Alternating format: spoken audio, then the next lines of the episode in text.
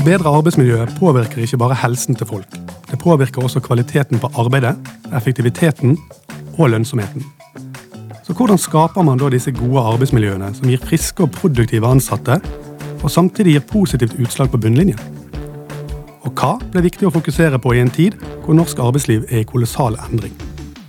For å hjelpe oss å finne noen svar på disse spørsmålene, så har vi vært så heldige å få besøk av arbeids- og sosialminister Anniken Hauglie. Velkommen skal du være. Takk skal du ha. Og vi har fått med oss direktør ved Statens arbeidsmiljøinstitutt, Pål Molander. Velkommen. Tusen takk. Mitt navn er Cato Lorentz, og du hører på På jobben. Podkasten som tar for seg det meste av det som skjer på en arbeidsplass. Ja, Anniken Hauglie.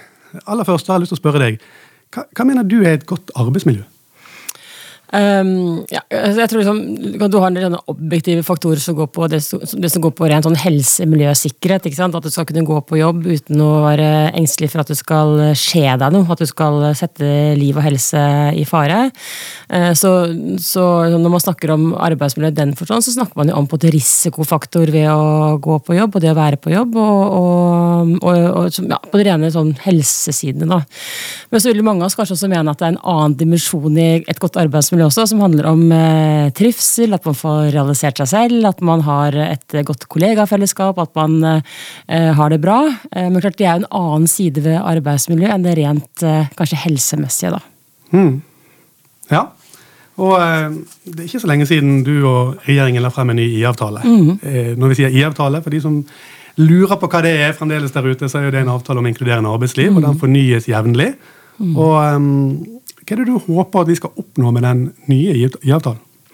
Ja, altså Den IA-avtalen har jo eksistert siden 2001, og den har jo vært reforhandlet eh, som du sier, eh, jevnlig, men den har egentlig ikke endret særlig eh, karakter. Um, og det har kanskje på mange måter vært litt svakheten med den også.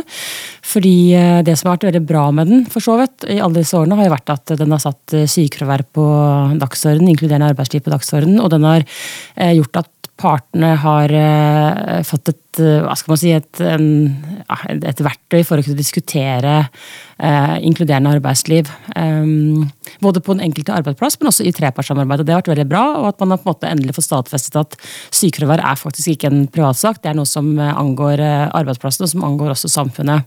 Det som har vært svakheten med avtalen, har vært at den ikke har vist særlig gode resultater. Det, og i den grad man skal være opptatt av resultater, så er jo kanskje det den største svakheten med den også. Um, og det var også utgangspunktet da jeg sa veldig tidlig til partene da denne skulle reforhandles, at uh, en eventuell ny avtale den måtte inneholde vesentlige endringer. Vi kan ikke fortsette med en avtale som uh, ikke gir de resultatene vi ønsker, nemlig et mer inkluderende arbeidsliv. Uh, og, så klarte vi å få til ganske store endringer i den. Mm. Og grunnen til at, vil, at, det var, at, det var, viktig å få endringer i den, det var jo at Eh, vi fikk jo etter ganske mange rapporter som viste at eh, arbeidet verken var kunnskapsbasert eller effektbasert. Det betyr jo at eh, hvis vi skulle fortsatt gjort mer av det samme, så ville vi fortsatt ikke oppnå det som alle egentlig ønsket, nemlig at arbeidsplassen skulle bli et bedre sted å være. Den skulle både sørge for lavere sykefravær, men også bidra til lavere frafall. Og vi har tenkt at ved å få et mer, altså et mer helsefremmende arbeidsmiljø. Det vil også gi et mer inkluderende arbeidsmiljø. Ja, Interessant å høre. Og eh, Pål Melander, du er med oss. og um, En av tingene som, eh, som, på en måte man ser når man leser denne nye avtalen, så står det veldig klart forebyggende arbeidsmiljø og forebyggende arbeidsmiljøarbeid. Og Før vi på en måte går videre med, med hvordan man skal få til det ute i bedrifter og virksomheter, så har jeg lyst til å spørre deg. for, for hva er det som kjennetegner et godt arbeidsmiljø? Det kan være veldig mye, men jeg tror kanskje man bør begynne helt sånn øverst. og Bare det å ha en jobb er utrolig viktig for eh, både helse og velvære. Så, så, så, det å ha en jobb, det vet vi at noe av det mest usunne som kan skje, er at du mister jobben din. Så, så det må ligge i bånn. Og så er det sånn at, at eh, arbeid gir jo helse. Det er det ganske god dokumentasjon for, men det forutsetter at arbeidsmiljøet er godt.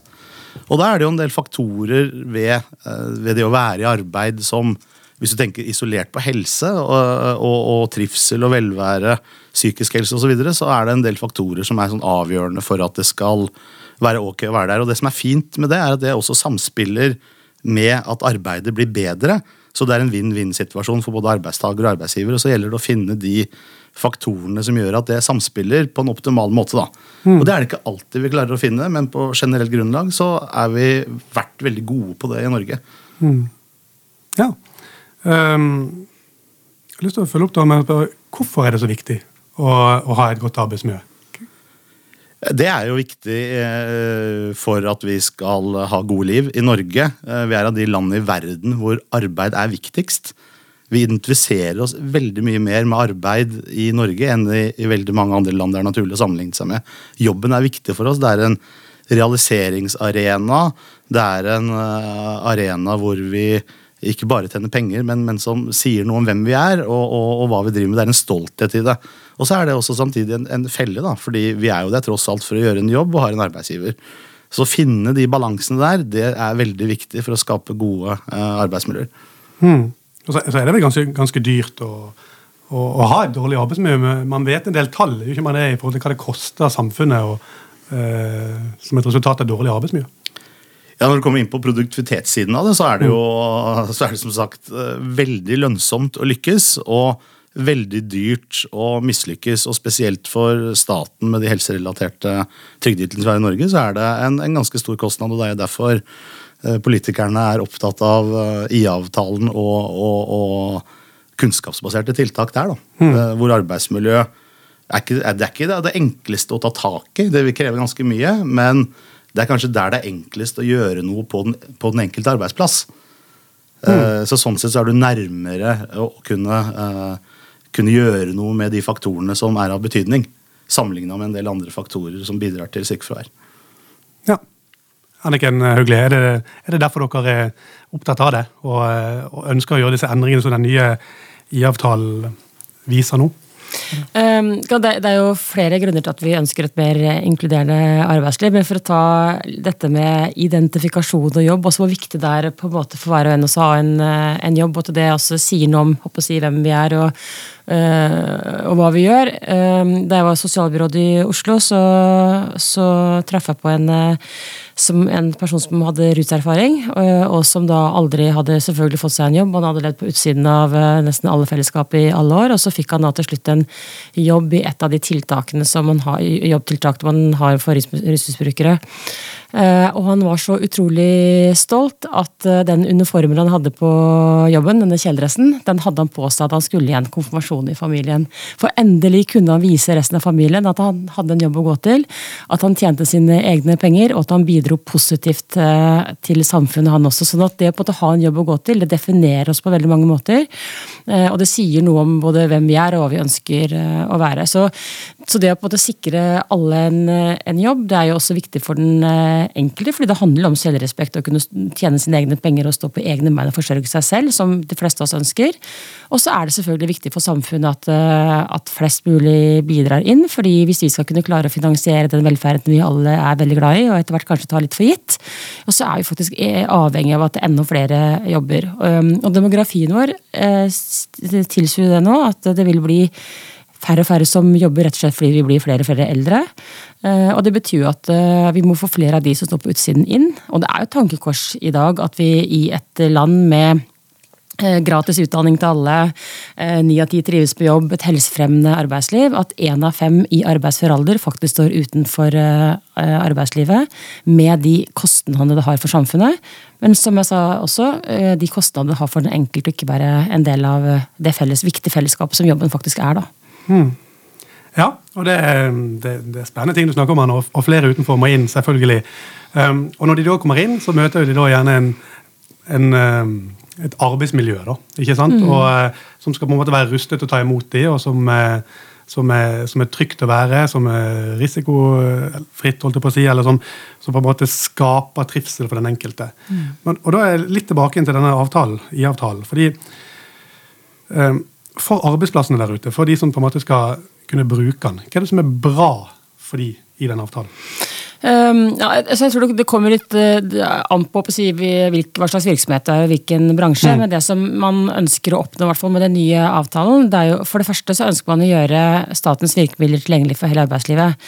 Uh, I den gamle avtalen så var jo virk, statens virkemidler kun tilgjengelig for de som var IA-virksomheter. Uh, og det var da nesten bortimot hele offentlig sektor, og kun 30% av privat sektor. Så nå gjør man virkemidlene, f.eks. arbeidslivssentrene og sånn, gjør man nå tilgjengelig for alle.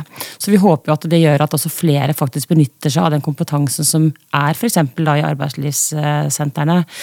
Og så har vi også sagt i avtalen at vi ønsker å gå mer bransjevis, eh, fordi man ser at det er ganske store forskjeller mellom sektorer og mellom bransjer. og Det betyr at eh, de virkemidlene vi skal ha, de må også ta mer utgangspunkt i den enkelte bransjes behov og utfordringsbilde.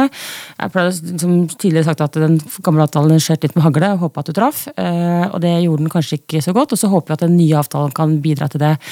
Men det er klart at vi har satt oss veldig høye mål, mm. Eh, ganske hårete mål. Eh, og det som er helt sikkert, er at de kommer ikke til å nå seg selv. sånn at eh, partene nå har en ganske stor jobb foran seg. Både å definere hvilke bransjer skal vi nå fokusere på, og hvilke virkemidler vil være mest effektive i de ulike bransjene. Men jobben gjøres jo på den enkelte arbeidsplass. Det er, der, det er der jobben skal gjøres. og Det betyr jo at man, partene på arbeidsplassen, arbeidsgivere og arbeidstakere, de må sette seg ned og se på hva er det som er viktig hos oss, hva er det som er utfordringsbildet hos oss, og hva er risikofaktorene eh, hos oss. Og så må man ta utgangspunkt i det. Mm. Ja, og det, og det, er viktig. Det, og det, det, kreves jo veldig mye av den enkelte arbeidsplass. på en måte um, Det er de som må gjøre jobben. Eh, partssamarbeidet, tillitsvalgte, verneombud, leder. Det er de som på en måte gjør jobben og sørger for at de får det bra. Men de trenger litt hjelp. Eh, og Pål Menander, den nye avtalen, sånn som du ser den, hvordan kan den være til hjelp for, eh, for, for disse? Nei, den, Det som er mye tydeligere med den uh, nye IA-avtalen nå, er at den uh, adresserer ansvaret tydeligere på, på den e-, lokale arbeidsplass, og at, den, at, det er virkemidler som treffer hele arbeidslivet. Så det er ikke sånn at du aktivt må oppsøke uh, avtalen. Du, den gjelder generelt.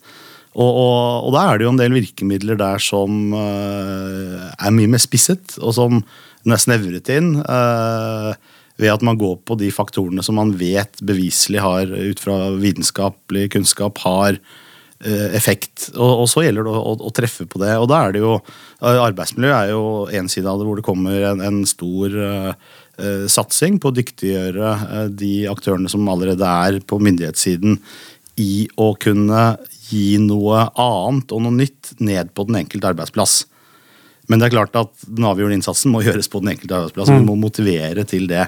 Eh, og så har det jo også det som går på, på sykefravær, som kanskje ikke er tema i dagens podkast, men hvor det mm. går tettere på de eh, mm. langvarige gjentagende sykefraværene mm. som ikke gjelder så veldig veldig mange av oss, kanskje, men det utgjør allikevel en stor andel av det totale sykefraværet. Mm. Ja, og det, det, er den andre siden av det. Men men jeg, eh, jeg gir meg ikke helt, for jeg er veldig opptatt av hva de kan sette i gang. ikke sant? Når man snakker om at de skal få nye tiltak, og eh, man skal på en måte, de skal være kunnskapsbaserte, behovsprøvde, og så må, de, så må på en måte være noe de kan ja, lære av. da. Ja. Så, så, vet dere veldig mye, det er veldig mye forskning. Man vet veldig mye, Men hvordan få dette det til enkle tiltak som, som Anniken Hauglie har eh, etterlyst og sagt at det må være? Jeg, jeg, tror mm. selve nøkkelen er å, å kommunisere eh, arbeidsmiljø på en litt annen måte mm. generelt. Det, det, det, det, har flere jobbet med uavhengig av den nye IA-avtalen. Men å få fram at dette ikke bare handler om trivsel for arbeidstaker eller vern av arbeidstaker, men at det også handler om selve arbeidet og muligheten til å kunne gjøre best mulig arbeid. At dette henger sammen, at det er en integrert del av det. Eh, det tror jeg er veldig viktig, og at også det påvirker virksomhetenes resultater. Det har jo partene som en sånn oppfølgingsarbeid av den tidligere avtalen, som et oppspill til dagens avtale, som jeg tipper kanskje har, har bidratt positivt også til at, eh, at, det var stemning for å endre på den. Det tror jeg har vært viktig. Slik at man ser arbeidsmiljø i en større kontekst. Det er en integrert del av arbeidet. Det tror jeg er helt avgjørende At ikke det er noe sånt på siden som blir håndtert av et kontor borti hjørnet der. Mm. Uh, og så tror jeg det, det handler om uh, at tilsynene har hatt sin metodikk, hvor de har jobbet med kanskje litt kontroll og, og veldig sånn risikobasert inngang. Eh, forskningssiden har kommet med, eh, med faktorer som er av avgjørende betydning, men vi har ikke fått knekt det ned på et nivå som gjør at det er forståelig nok på den enkelte arbeidsplass. og og det er jo det som uh, man har som mål, og ganske så hårete mål også, å prøve å få til nå i større grad. Knekke ned den enkelte, de risikofaktorene, også friskfaktorer, alle de tingene som vi vet påvirker arbeidet på den enkelte arbeidsplass. Fordele det mye mer på yrker og bransjer, og oversette det på en måte som gjør at det er mulig å ta tak i for den enkelte. Et eksempel som veldig mange snakker om, er rollekonflikt. Så kan du gå til den eh, jevne norske leder eller arbeidstaker og si ordet rollekonflikt, så har de falt av allerede. Så vi må omsette det til noe som, som, som er gjenkjennelig. da. Ja, øh, og det er interessant. Uh, Anniken Hauglie, har vi hatt litt feil oppfatning? Hva er arbeidsmiljø, og hvordan skape et godt arbeidsmiljø? Eh, eh, ja, ja, det tror jeg nok til dels. Altså, det er jo lett å gjøre det som også Molander sier. Altså, det er lett å kanskje forveksle trivselsfaktorer med arbeidsmiljøfaktor. Altså, man tenker at man kan kjøpe seg ut da, eh, ved å ha en fruktkur hver fredag eller vinlotteri, eller du lærer ansatte å trene i, i arbeidstid eller hva det måtte være. Som er eh, veldig enkelt eh, å gjøre, og som helt åpenbart helt sikkert eh, gjør trivsel høy, men det har ikke så mye å si på arbeidsmiljø. Så, så så, man har nok kanskje surfa litt på overflaten.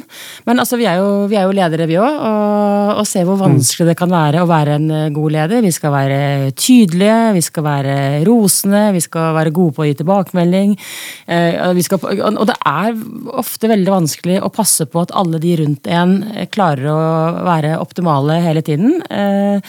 Så, så, det å skulle på en måte ta fatt i arbeidsmiljø, det innebærer at du selv som leder også må være veldig tydelig eh, på hva som skal gjøres. Og det er jo ikke alltid like enkelt. men er jo ikke alltid like flink på å være det selv heller. ikke sant? Så, men jeg håper i hvert fall at den nye avtalen kan øke bevisstheten ute på arbeidsplassene på hva det er som er viktig å ta fatt i for å gjøre noe med, med arbeidsmiljø. Um, så gjenstår det å se, men, men vi kommer til å forsøke å gjøre innsats nå fra myndighetenes side på nettopp gjøre det lettere for virksomheten å, finne relevant informasjon for seg og sin virksomhet. Kunne sammenligne seg med andre uh, virksomheter uh, innenfor samme bransje. Hva er det andre gjør som fungerer bra, som jeg kan bare kopiere? Så det er jo det vi ønsker å gå videre med nå.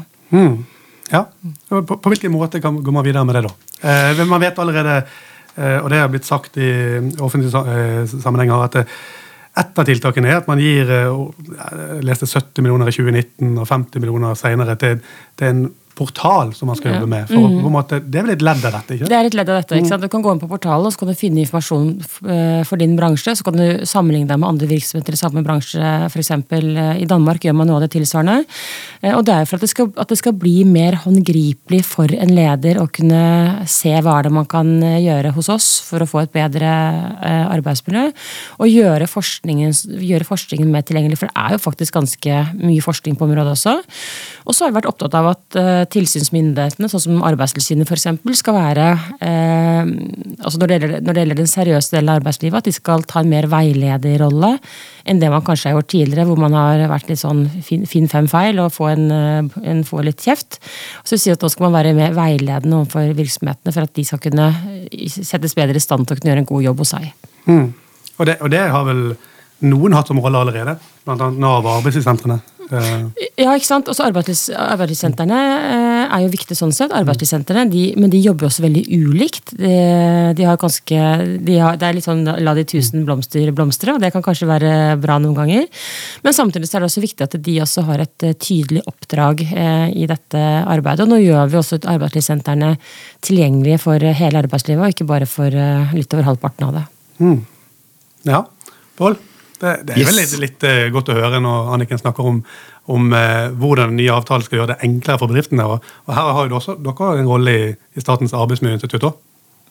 For å få ut ja, jeg syns jo, jo statsråden sier, sier, sier mye klokt. Uh, nå uh, er jo vi vant til å, å, å ha en uh, helt sånn upolitisk rolle, men uh, presser du meg opp i et hjørne, så syns jeg at denne regjeringen har vært flink til å sette fokus på, på, på disse tingene her. Og, mm. Men jeg tenker mer dette med at hun snakker om ledere som, som har eh, en veldig krevende rolle. Det, det vet vi. De, de, skal være gode på ganske mange ting.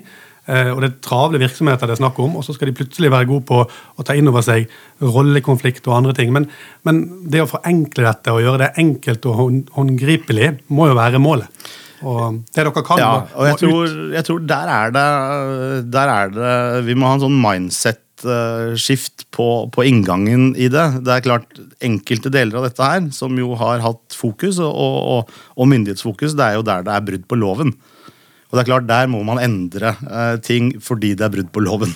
Og det er, en, det er en veldig inngang, men det store bildet som bidrar til arbeidsrelatert sykefravær, uhelse, den type ting, med, med typisk muskel- og mildere psykiske lidelser som, som utfall, så er det ikke så lett å sette fingeren på at det, det her er det brudd på loven, men det er ikke optimalt arbeid. Og da er det sånn at Hvis man skal lykkes på det feltet, her, så nytter det ikke, som, som statsråden var inne på, med enkle tiltak som man kanskje tror er kunnskapsbasert, fordi det har vært en kultur for å tenke litt sånn. Eh, man må endre arbeidet. Mm. Og da må man jobbe annerledes. Eh, og da må man se det som en integrert del av alt, hvor man egentlig jobber med å bli bedre. Og det ligner egentlig ganske mye på, på en del uh, andre arbeidsmetodikker som er mer kjent fra management og, og fra blårussen sin side. Så å få dette litt mer helhetlig på plass og knekke det sammen, det tror jeg er en, en nøkkel for å virke. At vi må tenke mye breiere. Mm. Jeg leste jo i forbindelse med evalueringen av arbeidsavklaringspengeordningen, som det har vært ganske mye diskusjon om det siste etter at vi strammet inn, så leste jeg bl.a. at uh, noen fra Nav som i den evalueringen fortalte at det er en del grupper som har kommet inn i ordningen som antageligvis ikke burde vært der, rett og slett fordi at eh, ordningen er ikke ment for en del av de gruppene som har kommet uh, inn, sånn typisk en del sånne diffuse lidelser da, ikke sant. Uh, og hvor, og hvor, det, hvor, det, står at personer da som kanskje egentlig har en konflikt på jobben eller har konflikt med sjefen, som eh, får ondtere og vondtere av det, og så blir man sykemeldt, og så kommer man på, til slutt på arbeidsavklaringspengeordningen. Det er klart det finnes jo ikke et verktøy i Navs verktøykasse som kan eh, kurere en dårlig relasjon til sjefen eller til kollegaer. Det eneste som kunne hjulpet denne personen, ville jo enten at man hadde tatt tak i problemet på jobben, eller at hun hadde byttet arbeidsgiver. ikke sant? Sånn at det, Eh, når du får veldig mange som kanskje har et dårlig arbeidsmiljø, og som blir sykmeldte pga. arbeidsmiljø, så kommer de inn i det offentlige hjelpeapparatet. Men der kan man ikke gjøre noe med det. Eh, du kan ikke gjøre noe med dårlig forhold til sjefen din i Nav. Eh, man har ikke muligheten til det. og Det betyr at man da forsøker å drive med sånn symptomlindring, men du klarer ikke å ta fatt i årsaken. Og med den ulempen da for den enkelte det gjelder, fordi de vil ikke bli, vil ikke bli friske av å gå på Nav. Fordi, fordi problemet ligger jo et helt uh, annet sted. Og man vet jo veldig godt også at uh, hvis, man er ulike, hvis man mistrives, eller hvis man, uh, hvis man ja, har man problemer psykisk på en eller annen måte, så setter det seg veldig ofte i, i mage og rygg. Det er jo den største generatorene for det psykosomatiske. Mm.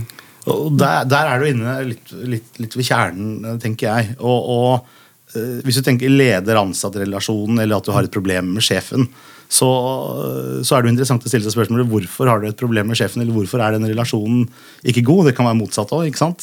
Uh, og, og det uh, viser jo forskning veldig tydelig at da kommer du til de faktorene som som er de bakenforliggende. Det er ikke sånn at sjefen er umulig, eller at den ansatte er umulig nødvendigvis. Ofte så er det hvordan ting er organisert, hvordan ting er løst, hvordan oppgaver er fordelt, og også litt om kulturelle trekk osv. Og, så og de faktorene der de er helt avgjørende for også den type relasjoner. Og alle ledere vet at, at, det kan være vanskelig å få til dette. her, og mm. Ofte så er det forutsetninger som også er utenfor leders kontroll. Ofte er det mellomledere som har dette mm. ansvaret her også. Og det gjør det jo litt sånn delikat, mm. men det er arbeidet det handler om. Men det betyr, jo sant, det betyr også at uh, hvis man da blir sykemeldt pga. denne type forhold, da, ikke sant? Uh, så vil helsevesenet vil ikke kunne hjelpe deg. Og Nav vil heller ikke kunne hjelpe deg. Og det betyr at man går jo egentlig litt rundt grøten. Altså Elefanten i rommet handler jo om rett og slett det som foregår på arbeidsplassen din. Og så er det noen andre som skal løse det, men de andre har jo ikke verktøy til å løse det. Altså, det finnes jo ikke en lege på denne verden som kan eh, gjennom en eller annen pille løse konflikter mellom deg og sjefen eller deg og kollegaen din. Og det betyr at man tar ikke tak i det som mm. er, det, er det grunnleggende. Jeg hadde jo en litt sånn eh, tilfelle med datteren min. Da hun gikk i andre klasse på barneskolen, så gikk hun og klagde over vondt i ryggen. Hun hadde vondt i ryggen hele tiden og kunne ikke sitte og kunne ikke ligge. og det Jeg tenkte at ja, ok, jeg får kanskje gå av det og sjekke dette. liksom. Hvis det kanskje ikke var noe galt, gikk til fastlegen. og Fastlegen kunne ikke se henne, men sendte henne videre til ortopeden på Ullevål og gikk nå, liksom Tullevål. da. Og, og, denne legen sjekker henne opp og ned, og nei, han kunne ikke finne noe. Og så stiller han henne spørsmålet hvordan har du det på skolen. Eh, og så viser det seg da, eh, gjennom den samtalen at hun hadde eh, tatt ordet i timen én gang og sagt noe feil, og så hadde de andre begynt å le. Eller noen hadde begynt å le, og etter det så grudde hun seg så fælt til å snakke høyt i timen at hun fikk kronisk vondt i ryggen. Det handlet jo ingenting om ryggen å gjøre, men det handlet om en frykt for noe annet. ikke sant? Mm. Og, sånn, og, sånn, er jo vi mennesker, da. ikke sant? At det setter seg andre steder eh, når det er et eller annet med psyken eller noe vi er redd for eller gruer oss for. Ja, og det, og det, det er det jo veldig få som vet.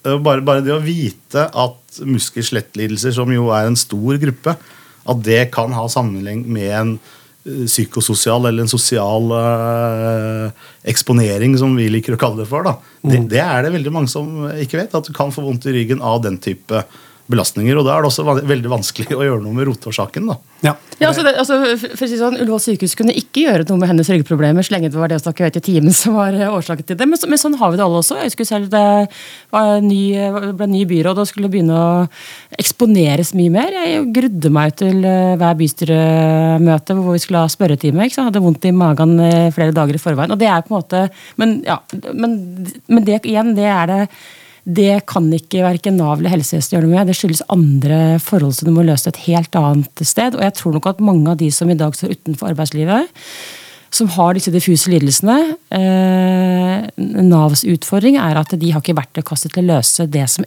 egentlig er problemet til, til, disse menneskene. For det kan skyldes helt andre forhold, og da er det det man egentlig mm.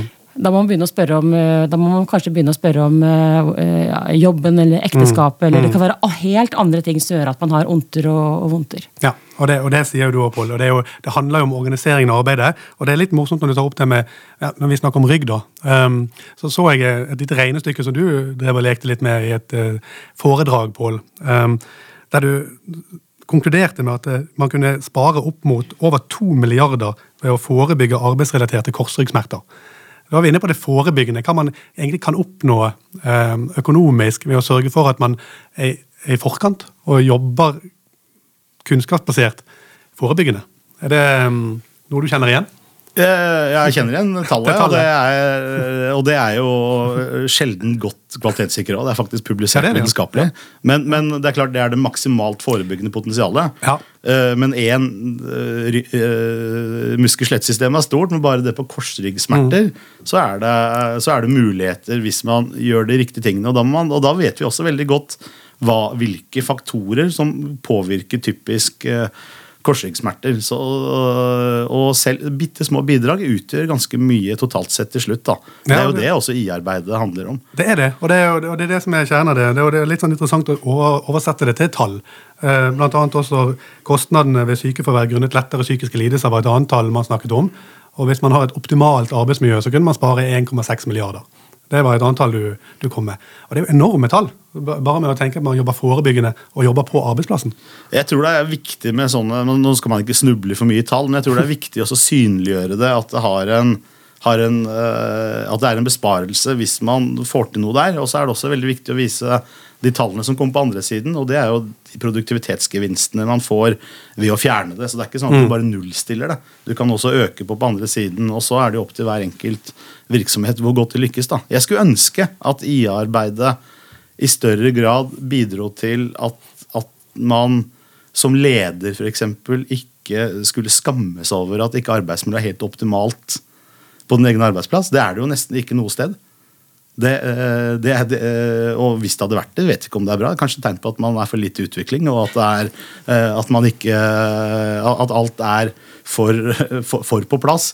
Så, så, så, det å lete etter forbedring, også i arbeidsmiljøarbeidet, at man ikke skal skamme seg over det Jeg tror man undervurderer litt at, at det kan være ganske belastende for en leder også øh, å prøve å bidra til en sånn dialog om arbeidsmiljø når man vet at det er noen utfordringer der. Men det er der nøkkelen ligger i å finne de uh, bakenforliggende sakene. Og, og, veldig ofte så er det ikke sånn at det er lederen sin skyld eller den ansatte sin skyld eller jobben sin skyld. Det er bare helheten som vi ikke får til.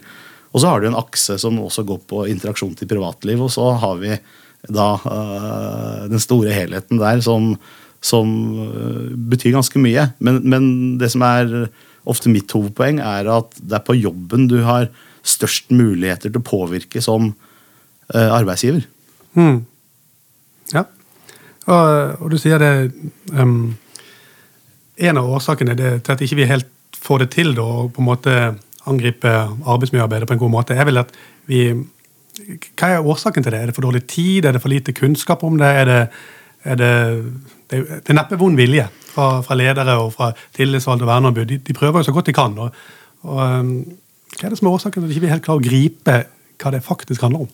Vi, vi får det jo til. Det er, det er, svært få som får det til bedre enn oss i Norge. Det, det er et sånn viktig, viktig, poeng, fordi vi, vi, har kommet lenger enn de aller fleste. og det, er det veldig viktig å ta vare på nå som arbeidslivet er litt i endring òg.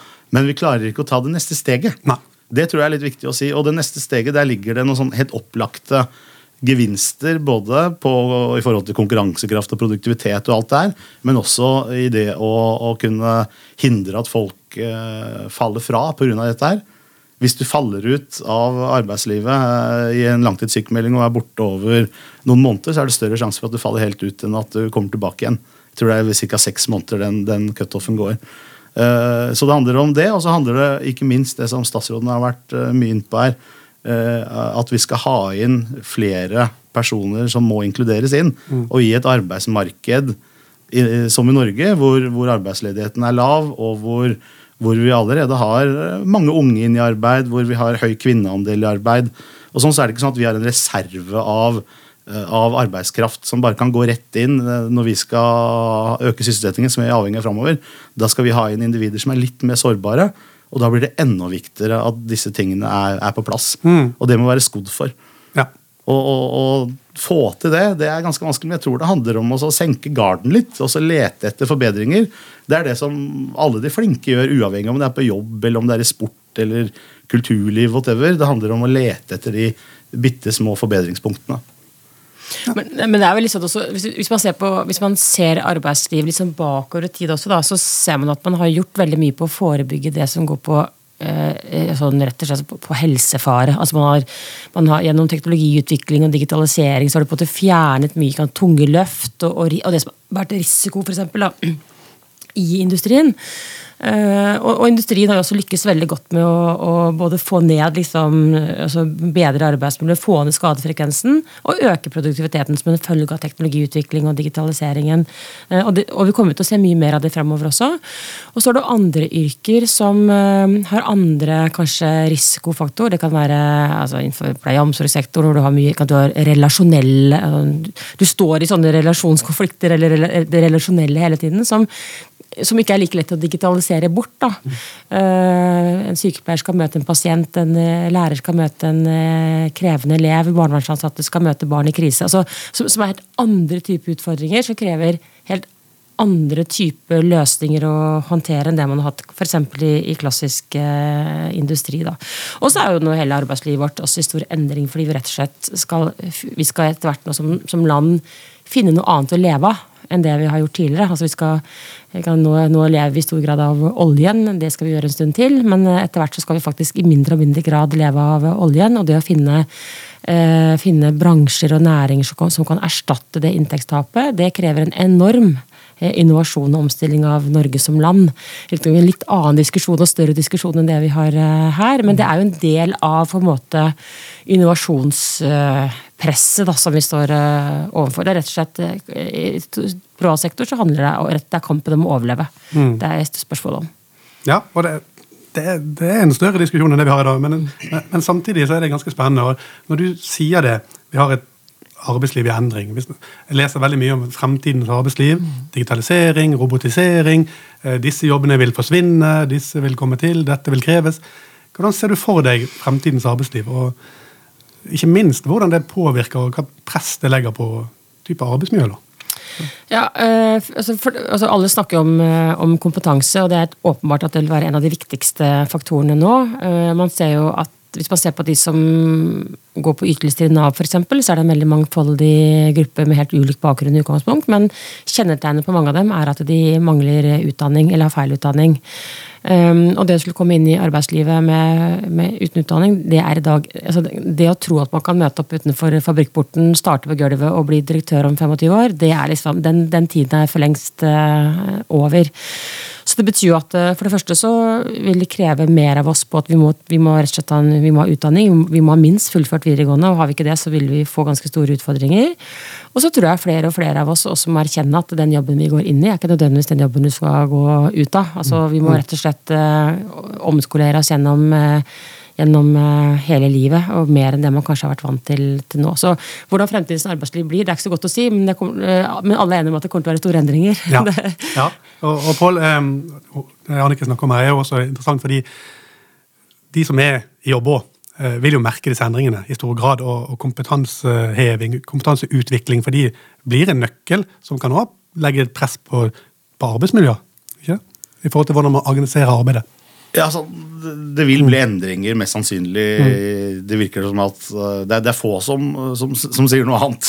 Ja. uh, og, og, så er det jo da uh, i hvilken grad er det dette påvirker Noe vi helt opplagt helt sikkert påvirker positivt også. Mm. det er jo ikke noe grunn til at, at, vi nå plutselig skal få et mye verre arbeidsliv når det gjelder hvordan vi forholder oss til arbeidsmiljø. Men det er en del endringer som kommer hvor vi, jeg tror vi skal ha en økt bevissthet på det som vi har hatt i Norge og Norden som har vært spesielt bra. Hvordan er det vi kan prøve å ta med oss det inn i de nye endringene? og Da er det en del sånne arbeidsmiljøfaktorer som, som har skilt oss ut og faktisk bidratt til produktive arbeidsplasser og, og konkurransekraft uh, i, i, Norge. Og, og, En av de store trendene er globalisering og økt konkurranse. og da, da, er det sånne ting som jeg tror vi kanskje bør sette på agendaen litt tydeligere. og hva Dette må vi prøve å bevare og det ser jeg at, at, at partene er opptatt av i, i, sin dialog. Og så er det også uh, sånn at uh, veldig mange snakker om um, at det nye arbeidslivet er kun knytta til digitalisering, robotisering, kunstig intelligens, sånn Internet of Things. Uh, mer sånne PC-ting, hvis du skal mm. bruke et enkelt ord på det. Mm. Og så er jo egentlig like store trender innenfor ting som jeg tror vil, skape masse nye arbeidsplasser og masse ny teknologi Eh, hvor du også bruker de mer sånn digitale teknikkene, men, men, som vil gi industri. da. Og I Norge ligger det jo veldig godt til rette for det innenfor biotech og innenfor materialvitenskap, innenfor havbruk. Alle de tingene her som uh, Norge ligger langt framme på forskning, og hvor det også er veldig god knoppskyting av bedrifter. Uh, og Det er også en del av det nye arbeidslivet, og da vet vi at hver gang vi bygger opp ny industri, så ikke av vond vilje, eller noe sånt, men da utvikler man ting parallelt. Og da vet vi at det vil komme nye arbeidsmiljøutfordringer knytta til det også, på den harde siden. da. Uh, når det gjelder ting som vi kanskje har, har uh, klart å forebygge så langt når det gjelder kreftfremkallende stoffer, og sånn, så har det jo ikke vært, aldri vært så høy takt av utvikling av nye kjemikalier for eksempel, til bruk i nye materialer, som er helt viktig for å løse uh, miljøutfordringer, annet, som nå. Og, og, da er det viktig at vi også opprettholder kunnskap og ikke glemmer det og tenker at dette bare har med, har med roboter å gjøre. da. Så dette er ganske spennende tider og mm. masse mm. muligheter, men eh, vi må ha mange tanker i hodet samtidig. Absolutt, det hører jeg. Um, tiden går litt fra oss nå. Uh, runder av. Men, men før, før, vi gjør det, så har jeg lyst til å spørre egentlig begge to. Men først deg, Anniken. Um, det er interessant uh, hvis, hvis, du skulle komme med en oppfordring til en, de som lytter på, er jo gjerne hos oss ledere, HR-ansatte, ansatte, en oppfordring til hva de skal begynne med hvis de har lyst til å jobbe med arbeidsmiljøet sitt. Ta tak i noe. Hva, hva, hva kan du si til dem? Hva ville du gjort? Ja, altså, eh, jeg tror det første man må gjøre, er å sette seg ned med de ansatte og diskutere eh, arbeidsplassen, arbeidsoppgavene. Eh, spørre de ansatte hvordan de opplever eh, arbeidshverdagen sin. Eh, hva skal til for å kunne få en bedre arbeidshverdag? Hvilke oppgaver er det som de gjerne skulle vært foruten? eller man kunne, altså, altså, Rett og slett bare helt nepp, Du må starte helt nedpå og snakke om den enkelte arbeidsoppgaven oppgaven til den enkelte arbeidstaker. Uh, og forsøke å skrelle bort alt sånt, så, alt sånt som, er, som kanskje ikke har så veldig mye med det å gjøre. tror jeg. Det er der du må starte, og så må man nøste i det derfra. Ja, Snakk med de ansatte, involver de. Uh, Pål, tenker du. Hvis du eh, våknet i morgen og, og var bedriftsleder og bedriftseier, hva ville du ta tak i? Jeg ville, Det var mye fornuftig, det som akkurat ble sagt, men, men eh, jeg tror det handler om essensen i at man må ha, prøve å ha litt lavere skuldre i arbeidsmiljøarbeidet fra begge sider. At man tenker at dette er en del av et forbedringsarbeid, og at det ikke er sånn konfliktmat som det fort kan bli. At man, at man, blir enige om at nå skal vi prøve å lete etter noen forbedringspunkter innenfor de rammer og den retning som arbeidsgiver setter i, i, forhold til hva som skal gjøres og det, og det som skal produseres. Og, og, og, lete etter forbedringspunktene der. Og da tror jeg at man bør ha to tanker i hodet samtidig. Det ene er at man bør prøve å skaffe mest mulig kunnskap om hvilke faktorer er det som er viktig. Og der eh, er det en god del kunnskap tilgjengelig, og det kommer mer gjennom den nye IA-satsingen. Og så tror jeg også at man må være veldig opptatt av hva er det som virker på de tingene her. Og der vet man ganske mye selv, fordi på den enkelte arbeidsplass har du peiling på, på, hva jobben sin går ut på, og hva som vil gjøre ting bedre. Men det er en del av de tiltakene som vi bruker store summer på nå, eh, og som også tar fokus da, bort fra egentlig den dialogen som bør gå der, som ikke virker, og som er populære generelle tiltak som vi tror er viktige, men som ikke har noe effekt. Mm. Får vi til litt av det, så kan det utgjøre en ganske stor forskjell. Ja, det får bli siste ord for eh, denne episoden av eh, På jobben. Tusen takk Anniken Hauglie, for at du tok deg tid til å være med. Takk for at jeg vil komme. Og takk til deg, Pål Melander, som eh, tok deg tid til å være med oss i dag. Takk det samme. På jobben er tilbake igjen om noen uker. Mitt navn er Cato Lorentz, og med meg som produsent. har jeg hatt Eirik Stordrange. Vi høres.